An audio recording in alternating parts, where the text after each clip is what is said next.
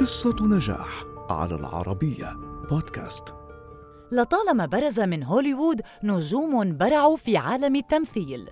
لكن هناك نجم واحد استطاع أن يسبب الحزن للملايين على صديقه ويلسون الذي كان عبارة عن كرة طائرة. إنه الممثل الأسطوري توم هانكس الحاصل على جائزتي أوسكار وأربع جوائز Golden Globe فكيف حصد توم هانكس هذه النجاحات في مسيرته الممتدة منذ 45 عاماً؟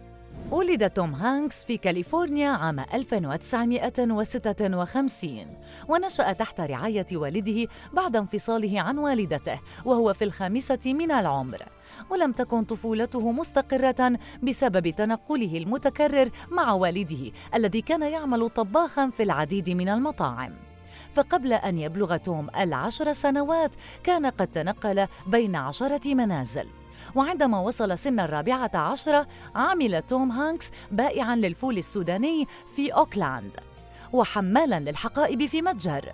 ورغم ذلك كان حلم التمثيل يرافقه باستمرار وحلم النجومية لم يفارق خياله. بدأ توم هانكس في تحقيق حلمه في التمثيل في عام 1977 فشارك في الدورة الصيفية لمهرجان بحيرات شكسبير العظمى في أوهايو وأمضى هناك ثلاث سنوات وانتقل بعدها إلى نيويورك وحصل في عام 1980 على دور صغير في فيلم He Knows You Are Alone وتوالت عليه أدوار صغيرة أخرى في العديد من المسلسلات التلفزيونية. وجاء العام 1984 الذي حصل فيه توم هانكس على أول دور رئيسي في فيلم Splash وحقق الفيلم نجاحا كبيرا في شباك التذاكر ووصلت أرباحه إلى 68 مليون دولار رغم أن ميزانيته كانت 8 ملايين دولار فقط. لتكون هذه هي الانطلاقة للنجم الصاعد نحو الشهرة. شارك توم هانكس بعدها في العديد من الأفلام إلا أنها لم تحقق النجاح المطلوب ولكنه لفت الأنظار لموهبته وأدائه المميز.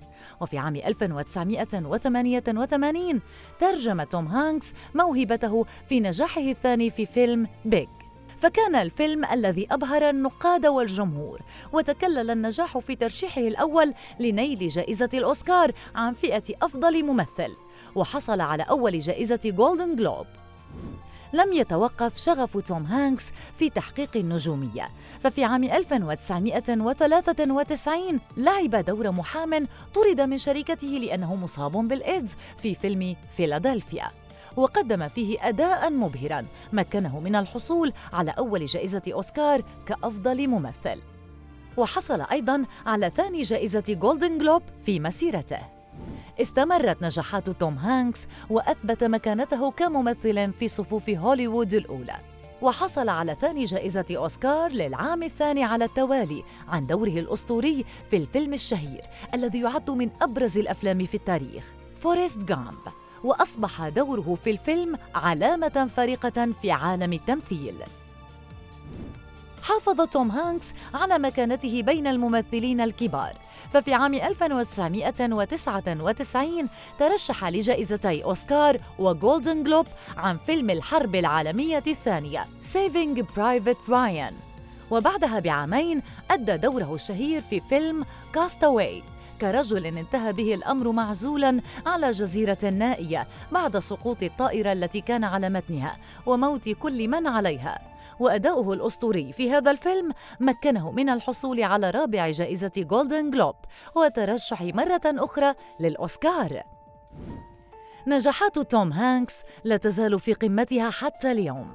فما زال ذكر اسمه كبطل لأي فيلم يكفي لتحقيق الإيرادات ولفت أنظار الجمهور والنقاد.